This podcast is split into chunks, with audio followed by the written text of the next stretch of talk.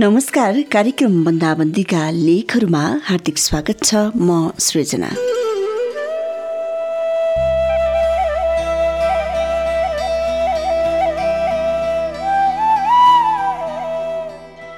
कुरा आज पनि कोरोनाकै कोरोनाको डरले बालबच्चाहरू यति बेला घरमै रहेका छन्। उनीहरूको बालापन घरका बन्द कोठाभित्र थन्किएका छन्। तिनै बन्द कोठाभित्र रमाएका बालापनका कथा आजको कार्यक्रम बन्दाबन्दीका लेखहरूमा। डाक्टर राजेन्द्र कोजुले लेख्नु भएको सेतोपाटीबाट साभार गरिएको कोठाका कथा शीर्षकको लकडाउन डायरी आजको कार्यक्रम बन्दाबन्दीका लेखहरूमा।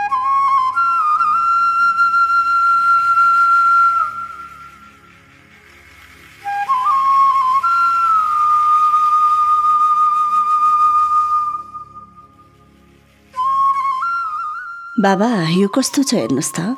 आठ वर्षे छोरी दौडिँदै आइन्। देब्रे हातमा कापी र दाहिने हातमा सिसा कलम लिएर।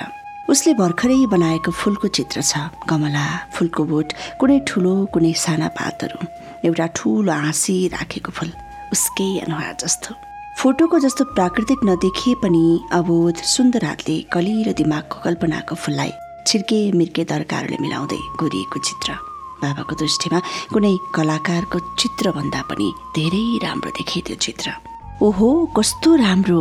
बाबाले हातमा लिए दिदीको चित्र बाबाले खुसी भएर हेरेको प्रशंसा गरेको सानो भाइलाई थाहै नपाइले सुटिहाल्यो चार वर्षको सानो भाइले पनि एउटा कापीमा डटपेन समाएर गोलो गोलो घुमाउन थाल्यो र एकैछिनमा बाबाको अगाडि आएर देखाउन आइपुग्यो।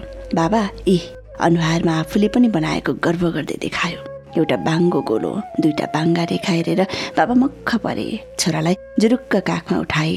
सानो भाइ मक्ख पर्दै भुइँमा उभिएकी दिदीलाई हेरिरह्यो। कोरोनाका कारण घरमै बसेका बाबाले प्रशस्तै समय पाए।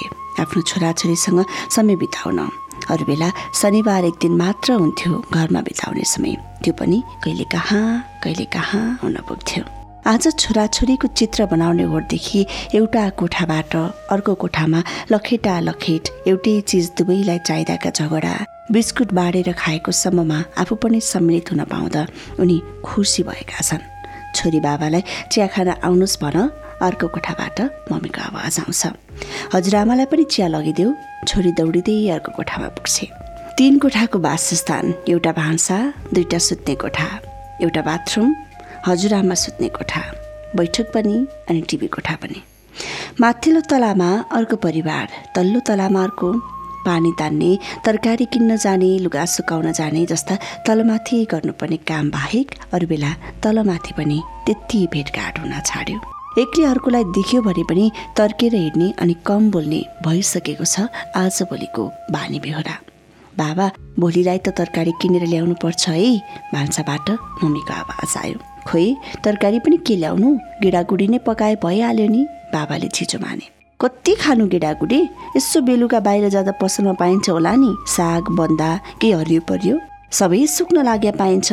त्यो बकुल्ला केराउ पहेँलो पहेँलो हुन लाग्यो साग टिक्क मान्दै उत्तर दिन्छन् बाबा।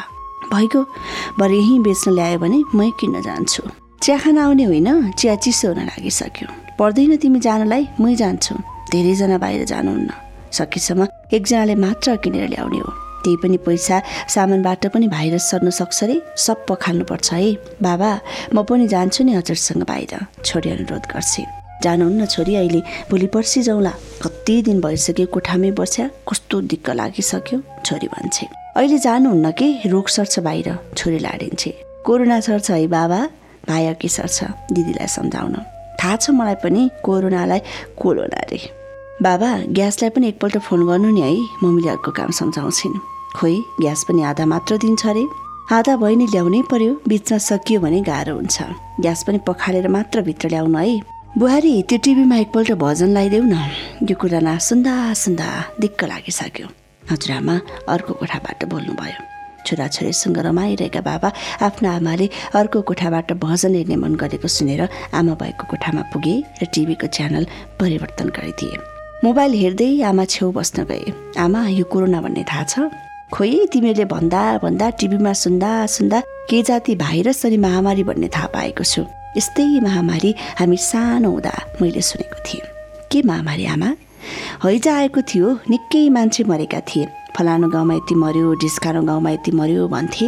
कति पूजा गरे कति मन छाए तर पनि धेरै मरे। है आमा कसैलाई सराप्नु पर्यो भने हैजाले तुरुन्तै लैजा भनेर भन्थे रे हो नि त्यस्तै बिफर पनि थियो। मान्छेको रूप नै कुरूप पारिदिन्थ्यो। शीतला माईको पूजा गर्थ्यो। अहिले त्यस्तो छैन तर यो के जति हो कोरोना रे हो नि आमा यो त झन् पृथ्वीको झन्डै सबै भागमा पुगेको छ। कति मान्छे मारिसक्यो। उता अमेरिकातिर नै धेरै देखिएको छ। हरे शिव यसो पूजाआजा गरेको छैन देवी देवतालाई? कुन चाहिँ दैवी प्रकोप भयो होइन आमा यो त भाइरसले गर्दा भएको नि चिनबाट सुरु भएको। लौ तिमीहरू नै जानन् नारायण। भान्साबाट मम्मी आइपुगिन् चियाको ग्लास लान। केटाकेटी बुढा घरमै भएपछि एकछिन फुर्सद हुँदैन मम्मीलाई। बिहान पकाऊ खुवाऊ दिउँसो पकाऊ खुवाऊ राति पकाऊ खुवाऊ सरसफाइ गरिदेऊ लुगा धोइदेऊ यत्तिकै यत्तिकै कसैलाई केही गरिदेऊ भन्यो उल्टो अनि खटपट हामी कहानी कति बढेछ कोरोना है? अहिले अमेरिकामा त धेरै गाह्रो भइराखेको छ अरे नि त होइन? गिलास उठाउँदै मम्मीले बाबातिर हेरेर प्रश्न गरिन्। सबैतिर बढेको मात्रै खबर छ। फेसबुक हेऱ्यो त्यही युट्युब हेऱ्यो त्यही अनलाइन खबर सबै त्यही जति हेऱ्यो त्यति डर लाग्ने। यस्तोमा त भ्रष्टाचार नगर्नु पर्ने नि भ्रष्टाचारको कुरा पनि मम्मीले छुन्छन्। जसले जे गरे नि नगरे नि तिमी हामी घरभित्रै बसौँ क्यारे? हामीले सक्ने यही हो बाबाले जवाब दिन्छन्। हाम्रो काकाको छोरीलाई कति गाह्रो छ ऊ नर्स हो नि बिचरा। दिनदिनै अस्पताल जानुपर्छ। अझ को सङ्क्रमित हो थाहा नपाएसम्म आफूलाई पनि सर्ने खतरा। जान्न भन्न नै मिलेन। हुन त नर्स डाक्टर स्वास्थ्य कर्मीहरूको काम पनि त्यही नै हो। तर सरकारले उनीहरूको सुरक्षाको चाहिँ व्यवस्था गर्नुपर्छ है। मम्मी भन्छन् आज एकपटक फोन गर्नु है काकाको छोरीलाई। म एकछिन कुरा गर्छु।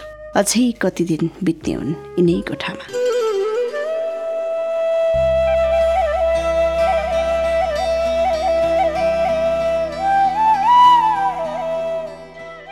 डाक्टर राजेन्द्र कोजुले लेख्नु भएको कोठाको कथा शीर्षकको लकडाउन डायरी आजको कार्यक्रम बुन्दाबन्दीका लेखहरूमा प्रसारण गरे श्रोता।